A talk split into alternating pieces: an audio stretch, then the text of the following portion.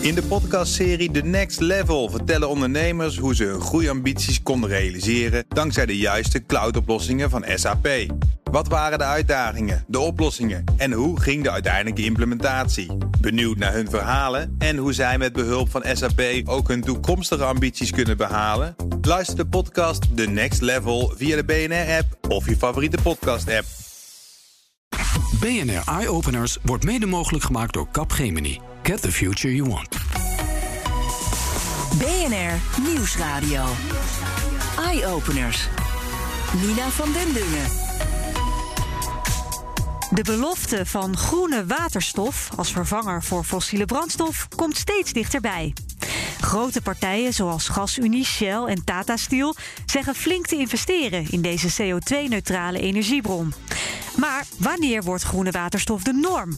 En welke innovaties zijn nodig om dat op grote schaal mogelijk te maken? Waar elektrolyse nu staat, daar stond zonne-energie 20 jaar geleden. Dus we moeten Ja, echt ja. nog hele stappen Ja. maken. Willen we naar die grotere schaal gaan? Terwijl GasUnie zich ontfermt over een landelijke distributie en opslag van waterstof, zijn ook kleine lokale partijen bezig met het creëren van een breed aanbod van betaalbare groene waterstof. Daar is vooral een heleboel groene stroom voor nodig. De kostprijs van de waterstof is heel essentieel in het accepteren van waterstof in een markt. En waar zetten we waterstof dan voor in? Hoe kan groene waterstof ons helpen om duurzame energie nog breder in te zetten? Die klimaatdoelstelling moet je wel halen. Dus daar hebben we wel een taak met z'n allen. Misschien staat het niet in mijn taakomschrijving, maar toch wel een beetje. Ik ben Nina van den Dungen en welkom bij BNR Eye Openers. Even beginnen bij het begin. Wat is groene waterstof? En waarom hebben we eigenlijk ook grijze en blauwe waterstof? Lennart van den Burg is waterstofexpert voor TNO en werkt aan de verbetering van het chemische proces waarmee groene waterstof gemaakt kan worden. Dat heet elektrolyse. Ja, groene waterstof, of eigenlijk elektrolyse, is het proces voor het splitsen van water. We splitsen water in waterstof, gas en zuurstofgas. En dat proces, proces is eigenlijk heel oud, bestaat al twee eeuwen. En eh, ja, wij werken eraan aan, aan het verbeteren van die elektrolyse-technologie. En dan heb ik het specifiek over het kleurtje, de groene waterstof. Dat eh, impliceert voor mij dat het dus duurzaam is. Ja, ja als, eh, eh, als die waterstof met groene elektriciteit wind, uit wind en zon geproduceerd wordt, dan is het eh, duurzaam. Dan heeft het eh, nul CO2-uitstoot. Dat klopt. Ja, want je hebt ook grijs. En sterker nog, je hebt ook blauw en turquoise. Help. Ja, ja, ja. eh, Nederland is na Duitsland de grootste producent van waterstof op dit moment.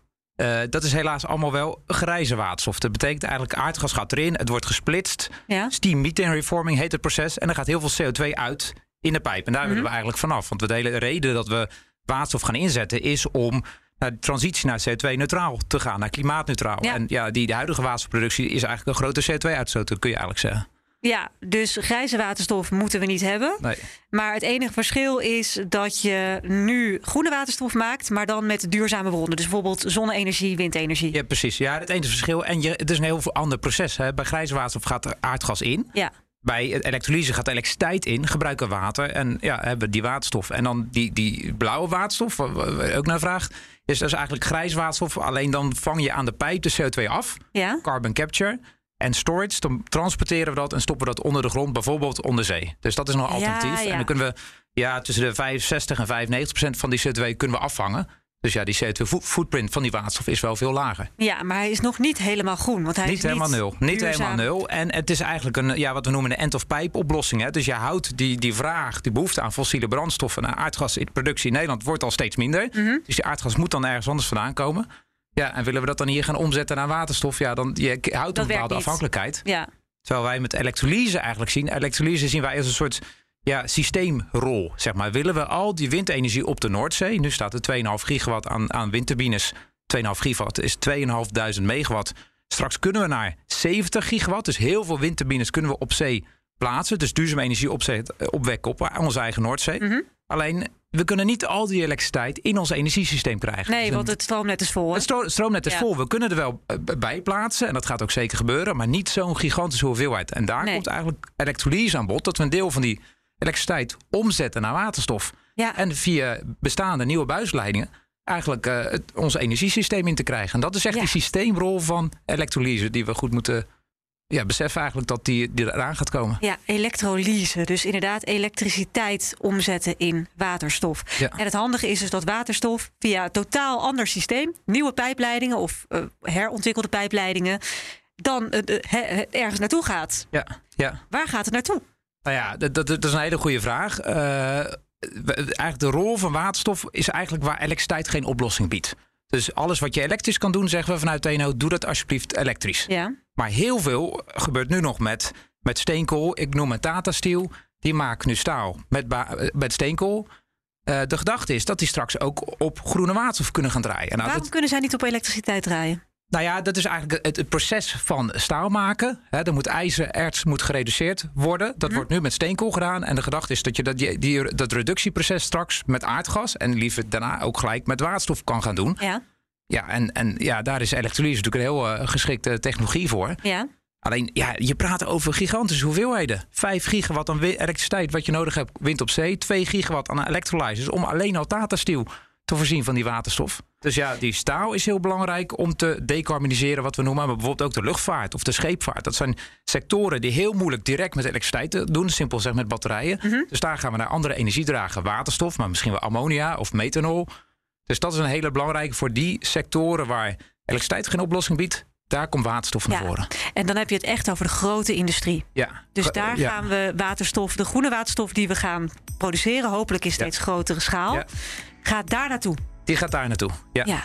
Groene waterstof kan dus helpen om de grote industrie te verduurzamen. Maar daar is wel heel veel waterstof voor nodig. GasUnie bereidt zich voor op die grote vraag en maakt stap voor stap de switch naar waterstof. Bart Kuilman is senior projectcoördinator voor waterstof bij GasUnie. Maar wat doet GasUnie dan allemaal met waterstof? Ja, we doen van alles met waterstof. Eh, ehm, we proberen in ieder geval eh, een transportnet te gaan maken. Dat is, dat is deel 1 van, van het hele verhaal. Maar zo'n transportnet, net als bij aardgas, moet er zitten een heleboel kanten aan, de voorkant en de achterkant. Die er ook nog niet zijn. Dus daar zijn we ook mee bezig. Dus eh, we zijn met elektrolyse begonnen. Eh, nou, dat gaan we dan niet meer doen eh, uiteindelijk. We zijn met importterminals aan de slag. ehm, om ook waterstof van buiten Europa, meestal buiten Europa, maar het zou ook binnen Europa kunnen zijn, naar Nederland te krijgen. Zodat we ook daar een toevoer van waterstof krijgen. En we hebben eh, een eh, opslag, hè, storage, eh, zoals we dat voor aardgas ook op Zuidwending hebben. Ehm, en dat is nodig om nou, de, de, de, de groene waterstof die opgewekt wordt door windmolens. Oh, nou, de wind, wind soms aan en soms uit. Hè, dus je hebt Ja. niet altijd waterstof. Dus, en, en de klanten vragen natuurlijk eigenlijk altijd dus, een constante stroom. eh, ja, precies. Die willen Dus energie. Ja, dus dat moet, je moet ergens bufferen. En daar zijn dan gascavernes heel erg, eh, heel erg nuttig voor. Jullie begonnen eerst met, met ook het produceren van waterstof. Ja. Daar stap je vanaf. En dat is ook niet zomaar. Het Rijk heeft jullie eigenlijk gevraagd, slash opgelegd. Geen productie, maar zorg dat er een infrastructuur ligt... en dat het Ja. gas wat over is, of het waterstof wat over is... kan worden opgeslagen. Ja, klopt. Waarom is dat? Nou, we zijn ermee begonnen. ehm, de, de, de tijd is veranderd. Er was nog helemaal niks. En die hele keten moet op gang komen. Van productie tot de afnemers. En niemand weet hoe het gaat. En je Nee. moet ergens stappen maken. Ja, Wij hebben gezegd, ja goed, als wij een transportnet gaan maken. Dat was ons wel helder. We hebben een heleboel pijpen die we kunnen hergebruiken. Dus we weer- gaspijpen die je kan Ja, we hebben een heleboel gaspijpen in Nederland. Die we Ja, vrij kunnen spelen. Als we van het aardgas afgaan. Krijgen we Ja. natuurlijk gewoon een heleboel pijpen vrij. Ja, Dus die waar. kunnen we hergebruiken. Nou, maar dan moeten we die rest van die keten natuurlijk ook hebben. Dan kunnen we zeggen, ja, we gaan op anderen wachten. En dan kunnen we misschien heel lang wachten. Of we kunnen zeggen, we nemen stappen om dat te stimuleren. En in ieder geval zorgen dat nou, dat het aan de gang raakt. Ja. Als het aan de gang raakt, dan zien we wel. Ja. Nou, en dat punt hebben we in ieder geval met, eh met electrolyzers nu wel bereikt. Dat, eh, dat ja, de Kamer zegt of de, de ministerie, zegt of ja, dit is iets voor de markt om eh, op te pakken. En dat kunnen ze ook en dat gaan ze ook doen. En dat hopen wij ook van harte, want ja, dan krijgen wij ook gas door die pijp heen. Ja, ik wou zeggen, als- ja, iemand moet het maken. Iemand moet het wel anders heb je niks en te iemand moet het transporteren. afnemen. Let op, er zijn Ja. meerdere kanten aan die pijp. Ja, zeker. Logischerwijs. Zeker. Ehm, dus we zijn in die beginfase, nou, we hebben ons overal tegenaan bemoeid in de positieve zin van ja, kom op, we moeten die, die hele keten van elkaar krijgen. Nou, en dat, dat begint nu te veranderen in plaats van dat pionieren van een paar jaar geleden gaan we nu, ja, het moet opgeschaald worden. We geloven er allemaal in, in Nederland, dat we dit gaan doen. Dus moeten we gaan opschalen. We moeten naar grotere volumes, we moeten naar grotere systemen. Nou, dan past nu een andere rol, dus zo beweegt dat mee. De markt moet het oppakken. En dat lijkt te gebeuren. Niet alleen landelijk trouwens, ook lokale spelers denken mee over initiatieven om groene waterstof te produceren. Het bedrijf Force Renewable Energy heeft bijvoorbeeld plannen voor een eigen waterstoffabriek. Paul Sjoerds is directeur van Force Renewable Energy. Wij ontwikkelen uh, windparken uh, in Zuid-Nederland. Um, en eigenlijk uh, vanaf drie windturbines tot ongeveer twintig. Ja. En um, ja, dat, dat start met het vinden van plekken tot en met het bouwen en het ex exploiteren ervan. Ja, en wat heeft dat dan ineens met waterstof te maken? Hele goede vraag. Um, nou ja, dat, uh, dat is ontstaan eigenlijk in 2018. Um, toen zagen wij dat eigenlijk met het, uh, met het ontwikkelen van uh, duurzame energieinstallaties, wind en zon, dat je dus het te maken krijgt met een beperking in het stroomnet. Ja, het is vol. Het is vol, ja. hartstikke vol. Ja. Nou, en, um, en we zagen ook op plekken waar wij actief waren, en dat is met name in de uithoeken van Nederland, hè, waar weinig mensen wonen dat daar ook de haarvaten zitten van het stroomnet. En ja. dat het daar dan dus moeilijk is om je uh, productieinstallaties aan te sluiten op het stroomnet. Ja. Toen is het idee ontstaan van kunnen we die energie niet in een andere vorm afvoeren. Ja, alles wat eigenlijk over is en niet gebruikt wordt, dat je dat dan dus gaat omzetten in waterstof. Ja, maar niet alleen alles wat over is, maar misschien ook een hele baseload aan hm. energie. Ja. Nou, en daar is het idee ontstaan van de Green Hub. Ja, en de Green Hub, dat is een waterstoffabriek. Klopt, dat is een, uh, ja, dat is een uh, concept waarmee je dus duurzaam opgewekte elektronen kunt omzetten in groene waterstofmoleculen. Ja. En uh, nou, die heeft daarna een bepaalde afzetmarkt natuurlijk nodig. En daarin zien wij dan zeg maar een stukje mobiliteit, de industrie als afnemer of de gebouwde omgeving als drie afzetmarkten. Waar ligt voor jullie nu de grootste uitdaging in het realiseren van die green hubs? Nou, dat ligt uh, eigenlijk op twee vlakken. Dat is uh, één, uh, het verzamelen van de vraag. En twee, ehm, de, ehm, de techniek toepassen die ervoor gaat zorgen dat je voor zo laag mogelijk een prijsje waterstof kunt maken. De prijs van waterstofproductie moet dus naar beneden. Maar de productie moet eerst op gang komen, ook op landelijk niveau. Volgens Lennart gaan daar de komende jaren grote sprongen gemaakt worden. Die waterstof gaan we produceren op land, in Rotterdam, in Amsterdam, in Groningen, in de industriegebieden. In speciale fabrieken, waterstoffabrieken? elektrolysefabrieken. Ja? We hadden twee weken geleden een, eh, een, een, eh, met een heel consortium hebben we een eerste gigawatt elektrolysefabriek, een blueprint daarvoor eigenlijk uh, naar buiten gebracht. Nou, dat zijn gigantische, dat zijn uh, tientallen hectares grote fabriek waar we dan die waterstof eigenlijk gaan maken. Ja. En dat is heel groot, want je moet je voorstellen, Vorig jaar is wereldwijd 300 megawatt aan elektrolysecapaciteit geplaatst. Wereldwijd 300 megawatt.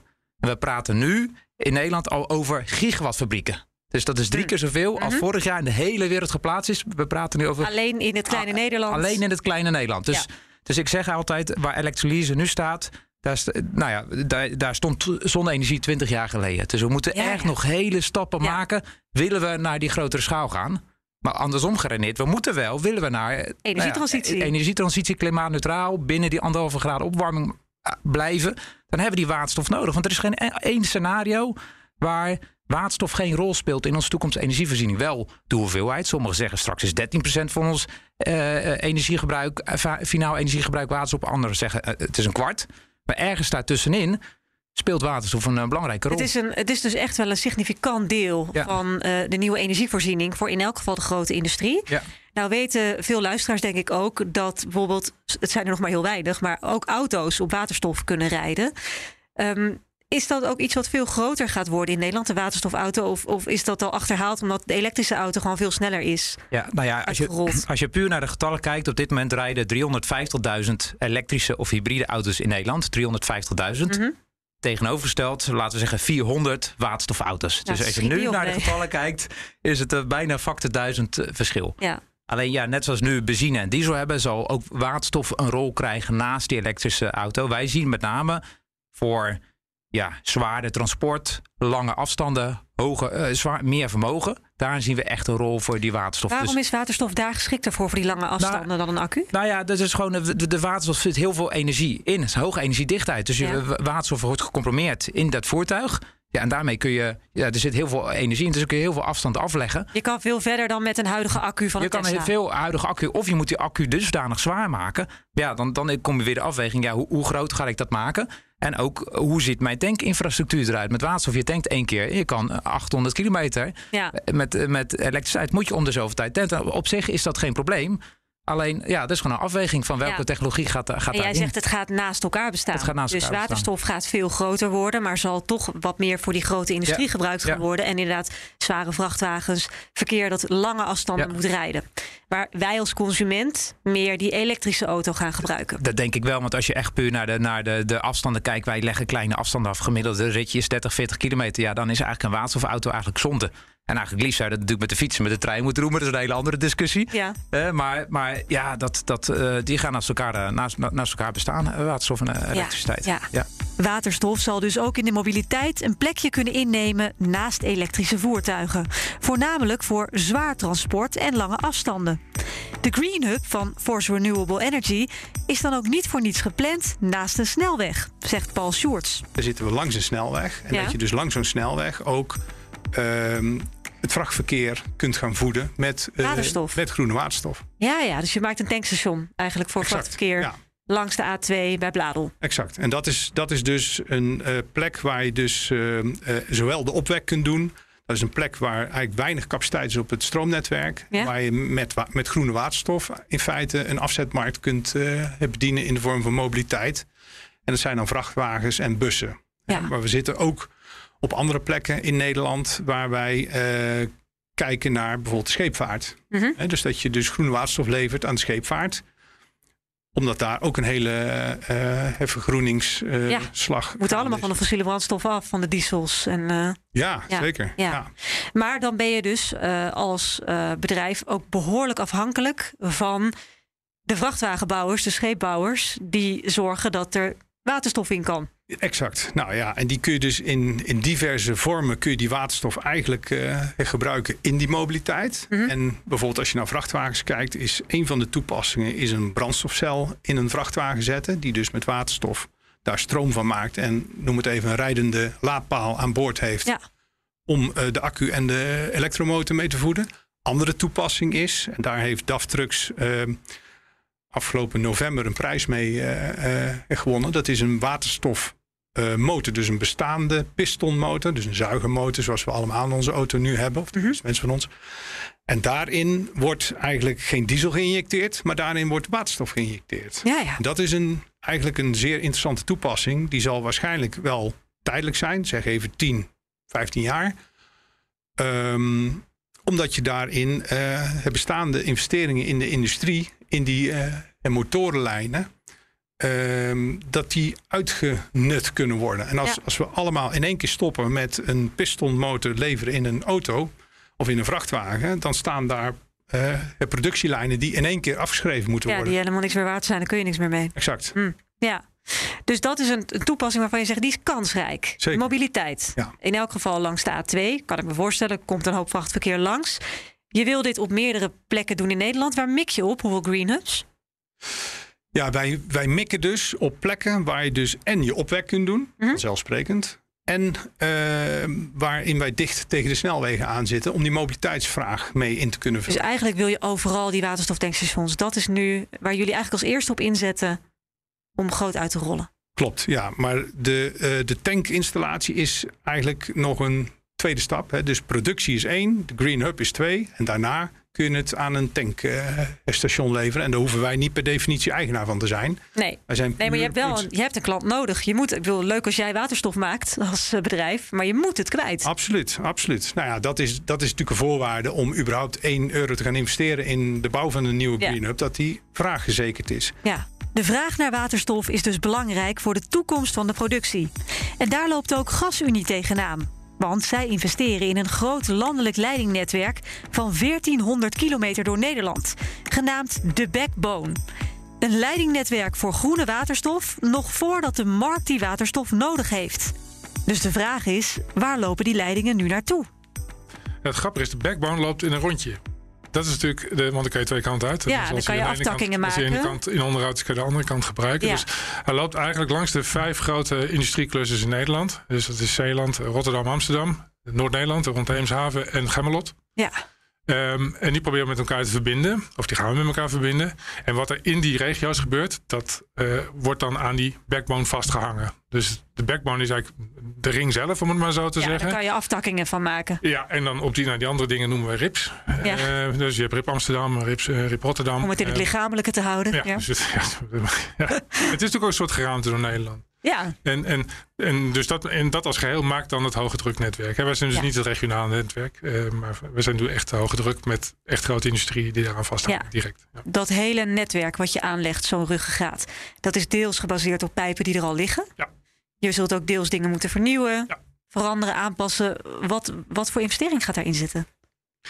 Eh, ik, nou ja, we worden groot, eh, anderhalf miljard. Hm. En dan heb je nou, je rekening mee dat je al die pijpen zich al, al, eh, al hebt. Hebt liggen. Ja. Eh, maar goed, er zijn natuurlijk nog hele andere investeringen. Iedereen zit aan spullen dingen te, te denken. Maar je moet, ook zo, je moet ook bij de mensen hebben die het allemaal maar doen. En eh, je moet wel allemaal die technieken wel allemaal hebben. En je moet wel andere compressoren hebben, ander onderhoud hebben. Welke mensen heb je nodig? Nou ja, dat zijn de mensen die nu misschien aardgas doen. Maar ja, mensen moeten wel met andere kennis aan de slag. En er zijn andere techniekjes toch wel. Hè, het, is, het is wel gas, maar het is toch een ander gas. Ja.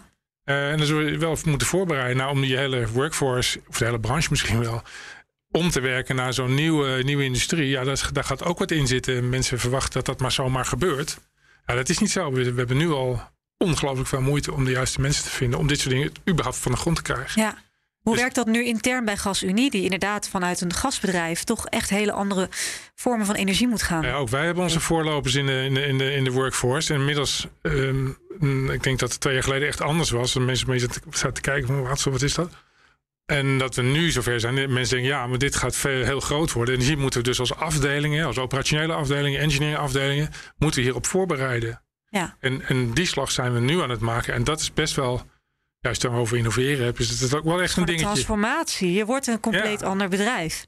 Ja. Ja. En dat, ik denk dat heel veel mensen zich dat niet beseffen. Dat een heleboel van die kleine dingetjes, hè, de certificering moet in orde zijn. Oh, je moet op een andere manier lassen. Oh, je moet. Ja, dat, dat, dat moet allemaal wel gebeuren. Ja. En dat is allemaal, hè, de, de- die hele normeringen zijn niet, die werkpakketten. Ja, het lijkt wel op gas. Eh, natuurlijk allemaal veilig. Eh, dat kan ook ploffen, hè, dus om het maar zo te zeggen. Maar het is toch maar net even anders. Het moet wel allemaal weer even uitgezocht worden. Ja, nou wat dat betreft vind Dat ik het vrij ambitieus dat jullie zeggen 2026 moet een deel van die backbone eh, functioneel zijn. Ja, nou ja, veel langer moet het ook niet duren. Want dan, Beter laat. nou ja, beter laten, want dan komt de rest ook niet op gang. Nee. We moeten echt laten zien dat, dat het op gang kan komen, anders komt er echt helemaal niemand achteraan. En ja, nou ja, goed, en dan kom je ook met je doelstellingen natuurlijk echt eh, voor, voor Nederland. Ja, ik ga niet over Nederland, ik ga over de gasunie, maar ik ga dan toch wel een beetje over Nederland. Als De klimaatdoelstellingen. Die klimaatdoelstellingen moet je wel halen. Ja. Dus daar hebben we wel een taak met z'n allen. Misschien staat het niet in mijn taakomschrijving, maar toch wel een beetje. In 2026 moet dus het eerste deel van die pijpleiding echt Ja, functioneren. stukjes, ja. Eh, de vraag is, is er op dat moment ook echt voldoende waterstof om er doorheen te sturen? Dat zullen we langzaam opbouwen. Ja, dat, eh, en, eh, dit is trouwens wel een interessante vraag die je zo stelt. Maar het is, ja, het is wel, ja, waar komt dat vandaan? Ja, want jij gaat het niet maken als, Nee, als gasunie. Dat, eh, dat, ik Dus je bent echt willen, maar- afhankelijk van de andere partijen. Ja, dus de, dat, dat, nou, nu zie je ook die ketenafhankelijkheid. En, en ook misschien waar de overheid wel echt over na moet denken. Dat doen ze overigens ook wel hoor. Van, hoe zorg je nou ook dat die productieprojecten allemaal van de grond gaan komen? Wat moet je daar allemaal voor doen? Ja. En nou, dat gaat veel over wind op zee. Ja, maar ik neem aan dat jullie als gasunie daar toch ook wel die andere partijen... Nou, aanhaken is een heel netjes gesteld. Ook een beetje achter de broek zitten van eh, let op, wij zijn zo meteen klaar.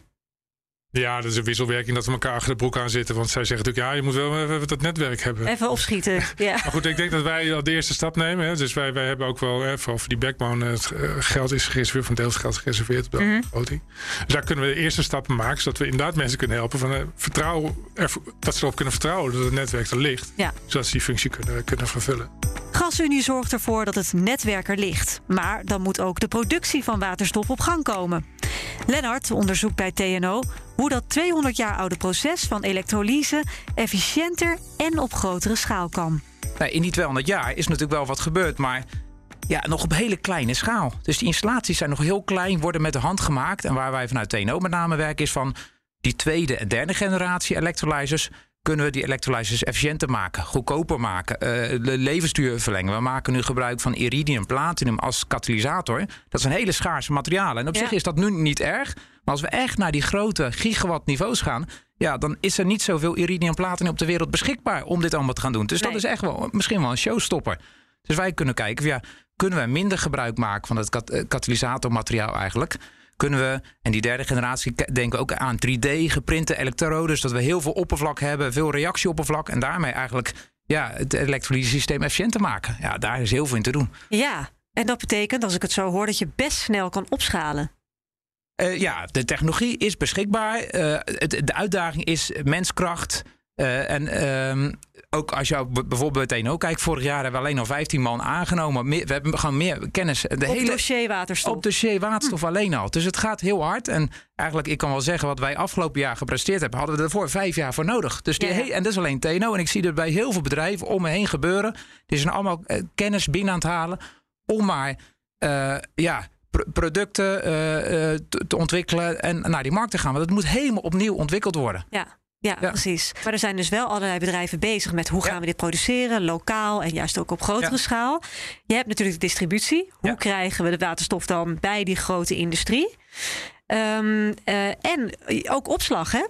Want je wil ook een soort waterstofreserve hebben voor als het ineens een heel slecht jaar is qua wind en zon dan hebben wij ineens aan waterstof ook een energiebron, een ja, elektrabron. Ja, ja, precies. Niet alleen van een heel slecht jaar. Kijk, nu wordt onze leveringszekerheid gewaarborgd door uh, kolen en de aardga aardgasopslag. Maar op een gegeven moment gaan we daar vanaf. Want op een gegeven moment is er geen plek meer voor fossiele energie in een duurzaam energiesysteem. En dan moeten we iets anders vinden.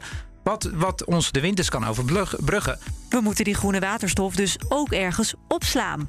Volgens GasUnie zouden zoutcavernes onder de grond de ideale opslag kunnen zijn. Maar wat moet je je dan voorstellen bij zo'n zoutkaverne? En hoeveel waterstof past daarin? Ja, het, is een, het is een grote sigaar uh, die naar beneden gericht is, zullen we zeggen, in, eh, in een zoutlaag. Een hele dikke zoutlaag. Dus het is een hele harde buitenkant, zodat hij niet kan gaan lekken. Nou, hoe kom je dan naar zo'n gat, hè, vraag je af, want dat komt niet vanzelf. Um, daarom komen we bij, bij Nobian uit. Nobian die wint zout uh, in zijn algemeenheid. En het maakt grote uh, cavernes om zout te, te winnen. En wij vragen in dit geval dan Nobian, jongens, kunnen jullie voor ons specifiek één caverne maken? Of meerdere cavernes, maar van die hiervoor geschikt is. En die zijn wat kleiner dan zij normaal doen. Dus we vragen dat specifiek. Maar we hebben dus wel die zoutwinner nodig om dat zout af te voeren voor de chemische industrie. Dat moet, dat, dat moet bij hun natuurlijk ook in het productieproces passen. Ja. Ja, dus je vervangt het ene met het ander. Het zout gaat eruit en dan gaat waterstof gaat in. over en dan gaat het gas erin en dan zetten we hem, zetten we hem onder druk. Uh, nou, dat klinkt ook weer heel makkelijk. Maar dit, dit duurt dus, hè, dat oplossen alleen al, dat duurt een jaar of drie, vier. Oh. Wil je dat netjes doen. Hè? Dus dat geeft al aan dat die doorlooptijd wel een dingetje is waar wij er wel rekening mee houden. We dus heel vroeg nu moeten zeggen, we gaan die doen. Zonder dat iemand zegt van ja, we, we nou ja, oké, we, we, huren daar uh, de, de caverne van je. Ja. Maar we moeten hem wel klaar hebben in 2030. We zijn op weg naar voor vier cavernes, maar we gaan met de eerste beginnen. We hebben toevallig er eentje, toevallig al, dat heet uitgeloofd is. Die staat al in het, in het zoute water, zullen we zeggen. Ja. Dus daar kunnen we sneller mee. Die kunnen we in 2026 uh, klaar hebben. En we hebben een heel kleintje, dat is ook toeval. Um, Um, maar dat kunnen we nu in testen. Dus dat is een, een, een, een, lange pijp naar beneden met een heel klein ballonnetje eraan. Zo moet je maar voorstellen. En daar zijn we nu druktesten aan doen. Ja, lekt dat ding? Of uh, wat, voor, wat voor procedures moeten we gebruiken om dat veilig te doen? Uh, we gaan het aan het kijken, we zijn aan het kijken, van, hoe reageert dat met, met de omgeving als je mhm. waterstof erin doet? Doet er iets met de microbiologie? Hebben we allemaal vertrouwen in wat elders in de wereld ook wel gebeurd is. Maar we willen het zelf toch ook wel even zien hoe dat moet. Ja, en ik kan me ook voorstellen, maar dat is voor mij als leek, dat je iets onder de grond stopt wat onder hoge druk staat. Ja. Uh, nou, ik, ik zou er niet graag overheen lopen. Nou, dat, ik denk dat dat, nou ja, goed, ik, nou, dat, dat voelt misschien raar, maar ik denk dat we wel meevatten. We doen het nu met aardgas ook. Hè. We doen het in hetzelfde plot overigens als onze aardgascavernes in, uh, in Zuidwending. Um, nou, daar wonen natuurlijk ook mensen omheen en uh, daar hebben we heel goed contact mee. We laten ook altijd zien van wat we gaan doen. We laten ook weten wat we gaan doen. Als we gaan testen, weten ze dat ook.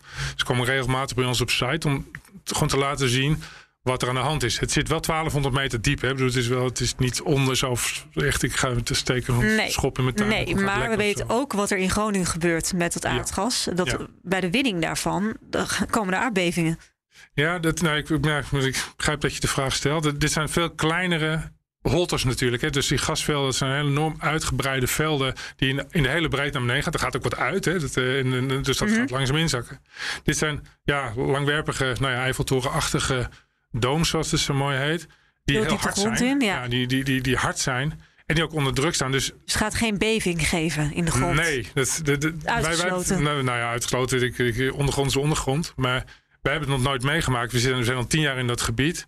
Uh, maar wij zien daar geen verzakkingen of dat soort dingen. Maar goed, daarom nemen we wel mensen in de omgeving mee. Want ja, je kan wel zeggen dat het niet waar is, maar de emotie eromheen is natuurlijk wel degelijk waar. Net zo waar als iets anders. Ehm, maar goed, ik, wij zien daar geen verzakking of dit, dat soort dingen. Nee, al, al elf jaar niet. nee. Nog even terug naar de lokale Green Hub waterstoffabriek. Hoe kijkt GasUnie naar deze kleine initiatieven? En kan zo'n Green Hub ook leveren aan zo'n grote backbone? de lokale opwek, bijvoorbeeld bij zonneparken of windparken, is ook heel duidelijk gericht op het voorkomen van congestie van het elektriciteitsnet. Ja, dat het daar te vol wordt, het stroomnet. Ja, en ze willen het ook lokaal weer wegzetten, hè? De, de waterstof ja, die ze dat daar is dan natuurlijk wel het slimste. Ja, eh, kijk, de volumes die daar uitkomen staan niet in verhouding tot eh, wat, grote wat de grote. de- nou ja, de, de, een wind op zeepark doet echt wel iets meer. Nou, kijk, een zonnepark, en, en voor, voor, voor een groot zonnepark, 20 megawatt, dat is best wel een aardige, denk ik. Eh, Ja. nou, één windmolen op zee, of is anderhalve windmolen op zee. Nog even los van, van de draaiuren, die, die ook nog vijf keer zo groot zijn. Ja. Dus je ziet al dat de, de orde grootte heel anders is. Eh, en je, ja, lokaal zijn er wel degelijk toepassingen om dit te doen. Je kan keer congestie tegengaan, dat is natuurlijk hartstikke fijn. En dan kan je wel, dan kan je wel dat park maken. Mhm. Ja, direct aansluiten de backbone zie ik dan niet direct gebeuren. Nee. Dat, die volumes staan niet in verhouding. Nee. Zo'n lokale Green Hub is dus zeker handig voor het ontlasten van het stroomnet. Maar is dat nog wel in proportie vergeleken met de grote hoeveelheid die landelijk opgewekt kan worden? Wat voegen, wat voegen de lokale kleinere centrales nou werkelijk toe? Dat is een goede vraag. Eh, ik denk dat het eh NN is. Dus wij kunnen grootschalig, en dan hebben we het over gigawattschaal, waar zeg maar gasunie aan gekoppeld is en eh, offshore windparken aan eh, gekoppeld zijn. Die gigawattschaal, die plannen, die liggen er. Ehm, wij zijn met de decentrale opwek en decentraal waterstof maken, behoren wij tot, hè, met een 10 megawatt electrolyzer in een green hub, behoren wij tot de grootte van de kleintjes. Dus Ja, ja. dat is, dat mag, dat mag je dan zo wel stellen. En wij kunnen, wij kunnen die opschalen van, zeg even 10 megawatt naar 200 megawatt. Dus Ja. Dat betekent meteen wel wat. Ja. dat betekent wat. Heel goed. Dus je zegt dat is wat, wat je dan toevoegt. Je, je hebt, hè, ook al heb je meerdere van de kleine spelers bij elkaar, eh, produceer je toch nog wel heel wat waterstof. Exact. En, en het gaat er helemaal om wat is, eh, waar de marktvraag ligt. Dus de vraag bepaalt uiteindelijk hoeveel eh green hubs wij kunnen bouwen en hoeveel waterstof je uiteindelijk kunt leveren. Hoe lang voordat de eerste Green Hub er echt staat? Nou, wij hebben die gepland. ehm, eh, dus de bouw van eh, een windpark, dus windpark de Pals in Bladel langs de A67 is dat. eh, dat staat gepland voor eind volgend jaar. Mhm. En dan willen wij ook eigenlijk starten met de bouw van de Green Hub. Mhm. Die kan daarna kan die, aangesloten worden. Dus die kan operationeel zijn voor 2025. Correct, ja.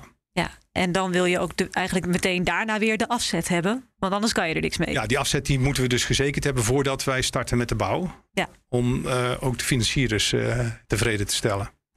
En uiteindelijk, eh, als je even 10, 15 jaar vooruit kijkt, hoeveel Green Hubs staan er dan in Nederland? Nou, ik denk dat er dan bij ieder windpark en zonnepark die combinatie, want dat is eigenlijk sterk. Hè? Je hebt zeg maar met een windpark heb je, vier, heb je eigenlijk 24 uur per dag heb je kans op wind. Mhm. en, eh, en met zon heb je natuurlijk overdag en eh, in de zomer eh, en met name kans, ja. energie. Dus die moet je eigenlijk samenbrengen, wind en zon.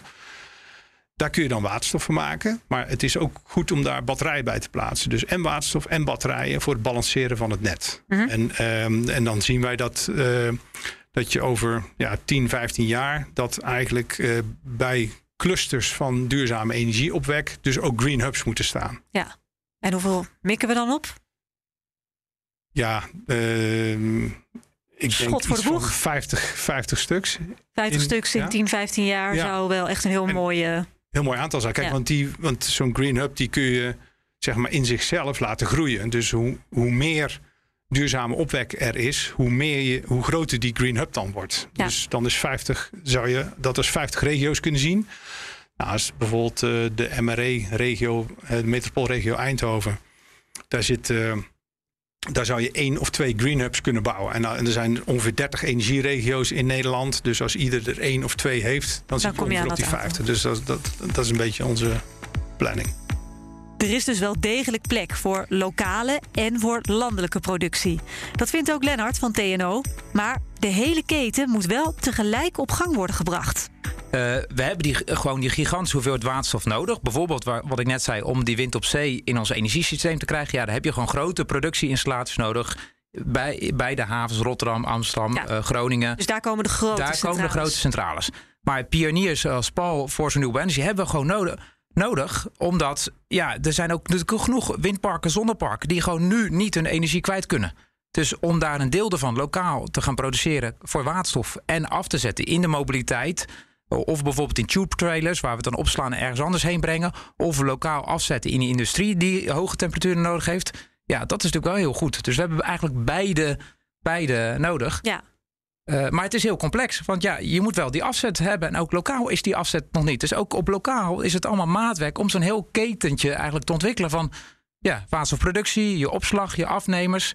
Dus ja, dat is een hele, hele uitdaging. Ingewikkelde. Ja. Tot slot, um, de risico's van waterstof. Het is natuurlijk gewoon een explosief spul.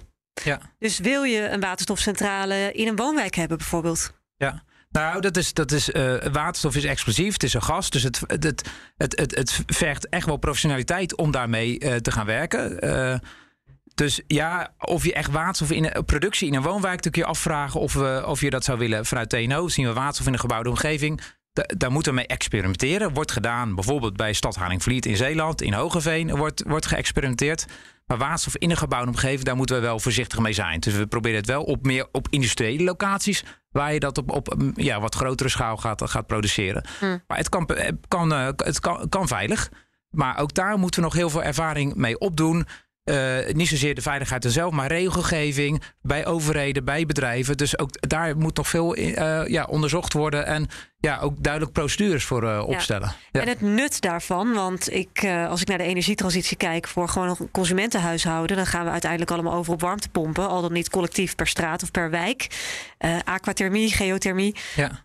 Waterstof kan natuurlijk ook een, hè, een, een bron zijn, maar moeten we het willen?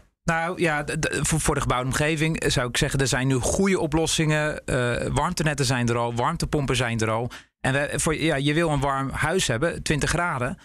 Met een waterstofgas, dat is een hoog energetisch gas. Dus ja, laten we die alsjeblieft inzetten bij een Tata of in de luchtvaart. Om een hele grote schepen in beweging te brengen. En, en niet, niet om woningen te warmen. Dus, nee. dus tuurlijk, er zullen gebieden zijn. We noemen altijd oude stadcentra waar die woning moeilijk te isoleren zit. Waar waar je moeilijk grote warmtenetten in de grond kunnen krijgen. Ja, daar zou waterstof een goede rol in kunnen spelen. Of voor uh, een, een, warmtenet waar de, de piek wordt voorzien met gascentrales. Ja, dat aardgas wil je op een gegeven moment eruit. Dus dat zouden waterstofcentrales kunnen worden die de piek warmtevoorziening van zo'n woonwijk levert. Dus er zijn zeker toepassingen ook in de gebouwde omgeving. Maar om nou volledig ja, een groot aantal woningen op waterstof te gaan, ja, voor 2030 zien we dat echt niet gebeuren. Er is dus nog een lange weg te gaan. Maar de kansen voor brede inzet van groene waterstof, die zijn er zeker. Dank voor het luisteren naar deze aflevering van BNR Eye Openers. Volgende week gaan we praten over het printen van bruggen en gebouwen zoals huizen. Want dat gebeurt nu al. In hoeverre is de 3D-printtechnologie al klaar voor het echte bouwwerk? Mijn naam is Nina van den Dungen en graag tot volgende keer. BNR Eye Openers wordt mede mogelijk gemaakt door Capgemini. Get the future you want. In de podcastserie The Next Level vertellen ondernemers hoe ze hun groeiambities konden realiseren dankzij de juiste cloudoplossingen van SAP. Wat waren de uitdagingen, de oplossingen en hoe ging de uiteindelijke implementatie? Benieuwd naar hun verhalen en hoe zij met behulp van SAP ook hun toekomstige ambities kunnen behalen? Luister de podcast The Next Level via de BNR-app of je favoriete podcast-app.